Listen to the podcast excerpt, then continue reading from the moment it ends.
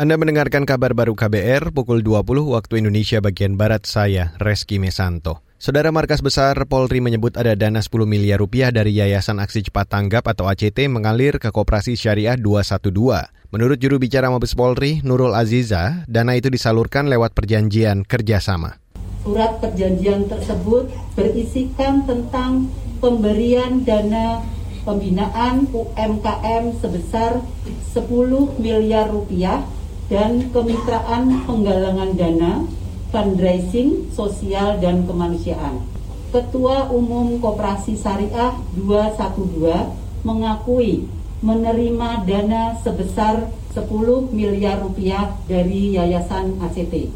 Juru bicara Mabes Polri, Nurul Azizah menambahkan, penyidik juga menemukan fakta aliran dana itu untuk membayar utang perusahaan afiliasi Yayasan ACT. Sebelumnya, Bareskrim Mabes Polri telah menyita uang 8 miliar rupiah dari sejumlah rekening milik Yayasan ACT. ACT diduga menggunakan dana donasi yang tidak sesuai peruntukannya sebesar 34 miliar rupiah. Beralih ke berita selanjutnya, Saudara. Komisi Pemberantasan Korupsi atau KPK mengirim surat ke Kepala Staf TNI Angkatan Darat, Dudung Abdurrahman, untuk meminta bantuan pencarian Riki Ham Pagawak. Riki merupakan Bupati Mamberamu, Tengah Papua, yang jadi tersangka korupsi dan diduga kabur ke luar negeri. Deputi Penindakan KPK Karyoto mengatakan KPK terus mengejar tersangka kasus dugaan suap dan gratifikasi proyek di lingkungan pemerintah Kabupaten Mamberamu Tengah, Papua. Ya, memang kami kan masih menerima informasi-informasi dan ini perlu diklarifikasi.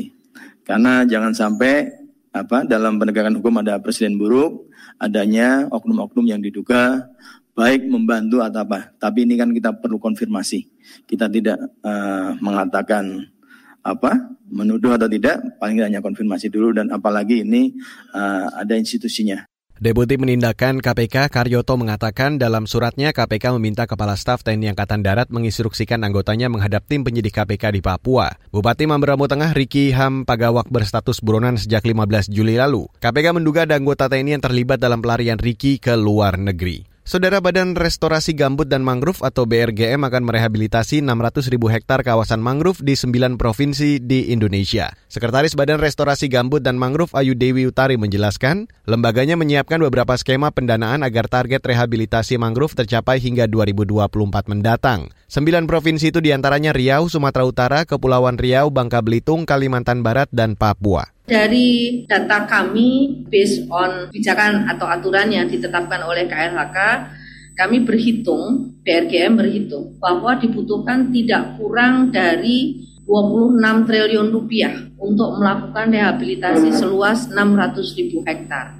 Ini biaya yang pastinya sangat besar sekali. Sekretaris Badan Restorasi Gambut dan Mangrove Ayu Dewi Utari menambahkan, anggaran 26 triliun rupiah itu dihitung dari perkiraan biaya rehabilitasi mangrove sebesar 25 juta rupiah per hektar. Skema pendanaan di antaranya bersumber dari APBN, APBD, dana hibah, pinjaman luar negeri, serta lewat izin usaha pengelolaan mangrove untuk jasa lingkungan. Sebelumnya, Kementerian Keuangan menyetujui anggaran belanja tambahan sebesar 73 miliar rupiah untuk penanaman dan rehabilitasi mangrove seluas 3.500-an hektar di 9 provinsi tahun ini. Dan saudara, demikian kabar baru saya Reski Mesanto.